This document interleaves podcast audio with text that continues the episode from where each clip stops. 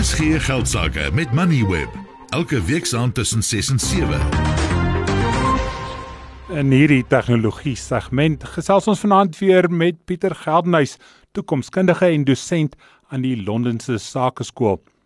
Ons praat altyd eh, of al 'n lang tyd oor kunsmatige intelligensie en wat die gevolge daarvan kan wees, maar vanaand se gesprek is dalk so bietjie meer bitter oor die onderwerp. Goeienaand Pieter, welkom by die program. So 10 jaar terug het iemand 'n oupa en ouma gebel en hysteries gegil dat hy of sy in die moeilikheid is, 'n klein kleinkind of wat ook al is en geld nodig het en dan is hierdie geld aan boewe oorbetaal en die slenter het maar so gewerk. Maar vandag klink dit asof virtuele ontvoering moontlik is en die kriminele gebruik kunsmatige intelligensie of AI om dit laat klink asof daar werklik iemand ontvoer is. Wat wat regtig gebeur deesdae is dat die intelligensie, die kunsmatige intelligensie so gevorder het dat jy nou letterlik binne 'n paar sekondes van jy weet daar daar sekere van die tegnologie wat binne 3 sekondes jou stem kan uh na dit luister en dit dan na kan naboots. Meeste van die tegnologie het so tussen 15 en 20 sekondes nodig. En as jy dan vir 15 of 20 sekondes iemand se stem opneem en 'n sekere paar woorde voorlees, dan kan die kunsmatige intelligensie letterlik soos jy klink. En dit is nou wat gebeur in Amerika daar, waar waar, waar sekere boewe uh iemand se stem opneem, hulle bel dan 'n individu, 'n familielid, veral 'n ouer familielid en dan klink dit werklik asof dit die kind is. So wat jy dan doen nadat jy jou stem opgeneem het, gaan jy na 'n rekenaar toe. Daar's 'n program met die naam 11 Labs en en dit is nie eintlik vir hierdie nut gedoen nie. Eleven Labs het eintlik heeltemal 'n ander baie beter fokus, maar ons sal nou daaroor gesels.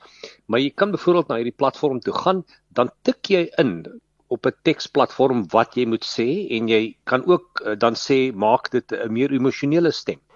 En dan speel hierdie rekenaar iemand se stem terug. Dit klink dan regtig soos 'n unieke individu se stem. En met hierdie slenter uh, gebruik hulle dan hierdie oproep na al na ouer mense toe om dan geld by hierdie persone te steel.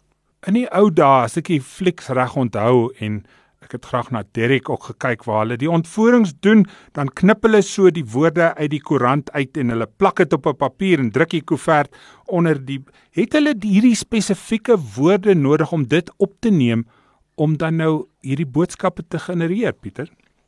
Um, om om dit normaalweg op te op die ingesmatigheid op op te lei om 'n werklike goeie nabootsing van jou stem te doen. Gee hulle sekere woorde, maar dan sê hulle uh, jy kan jou eie woorde intik. En wat jy dan doen is jy gaan in eenvoudig na 'n uh, individu se YouTube kanaal of sy TikTok en dan kyk jy na wat hulle daar sê, dan tik jy dieselfde woorde in op hierdie rekenaarprogram jy gebruik dan hierdie op jy weet hierdie opname van die individu en dit lei dan die kunsmatige intelligensie op om dan jou stem daar te boots. So dit is die tegnieke wat hierdie slenters gebruik. Nou da 11 labs um, is eintlik heeltemal ander doel. Sê maar ek het byvoorbeeld 'n boek geskryf. Nou wil ek graag hierdie boek voorlees op podcasts, maar dit vat geweldig lank om nou in 'n professionele studio dit te doen.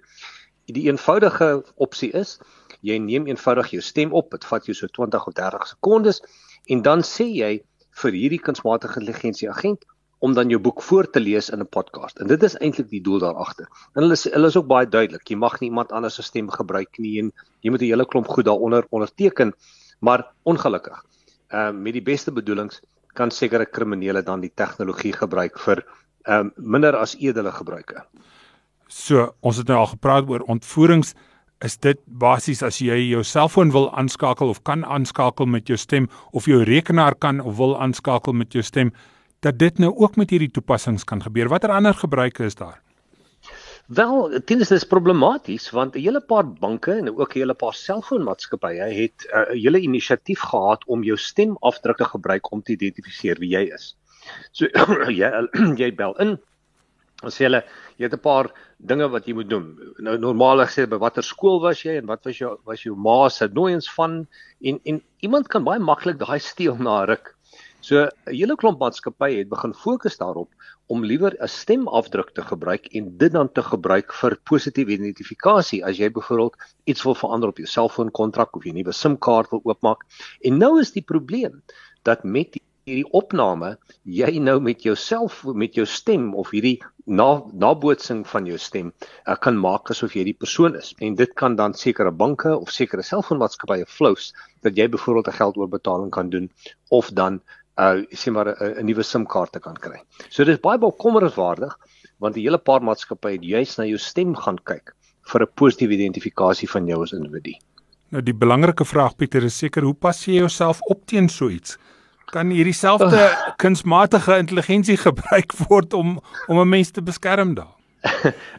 ek ek dink ons gaan nog moet kyk na na wat wat jy moet doen. Ek dink vir jou gesin moet jy maar uh, net soos wat met, met, die sekuriteitsmaatskappye 'n kodewoord hê om te sê man as jy 'n kodewoord noem dan weet ons daar's 'n probleem as die kodewoord nie genoem word nie dan gaan ons ons nie daaraan steur nie.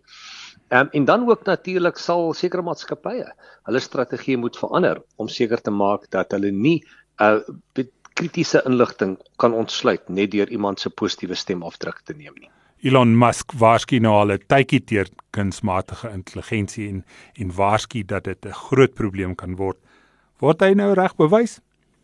Ek dink nie so nie. Ek jy weet alle tegnologie is is neutraal. Dis wat ons as mense moet dit doen. En ek dink ons is op die punt om ongelooflike produktiwiteit te ontsluit met kunsmatige intelligensie. Gaan sekere mense dit verkeerd gebruik natuurlik gaan hulle. Maar net soos normaalweg is 95 99% van die gebruike positief en ons gaan maar net moet leer om om die om die negatiewe te bestuur en die positiewe te omarm en uh, om om 'n meer produktiewe wêreld te ontsluit. Baie dankie Pieter, dit was Pieter Geldenhuys, toekomskundige en dosent by die Buitemuurse Londense Sakeskool. Nou ja, dis amper tyd dat ons terugskakel na RSG. Geldsaake vir die nuus net ter afsluiting die beurs in Johannesburg volg internasionale markte laer vandag, maar die rand wen selfs 'n bietjie uh, waarde teen die dollar.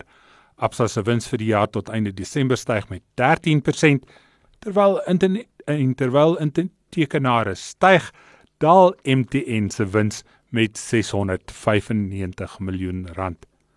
Sun International wys 'n goeie winsverslag na mense weer begin reis na COVID. Dis ook gerus die RSG geldsaake Facebookblad. Daar is skakels na die onderhoude en jy kan ook jou mening lig daar oor die inhoud. Dankie aan Theo Foster van Galileo Capital vir jou insette vanaand en daarmee groet ons van myself Tinus die Jager. Dankie dat jy vanaand saam geluister het. Hierdie program is aan jou gebring deur Absa. Jy kan aanlyn na Absa skuif en 'n business evolve rekening oopmaak. Jy het geluister na RSG Geldsaake met Money where potgoe elke weeksdag om 7 na middag. Vir meer Money where potgoe, besoek moneyweb.co.za of laai die toepassing af en volg Moneyweb News om dagliks op hoogte te bly.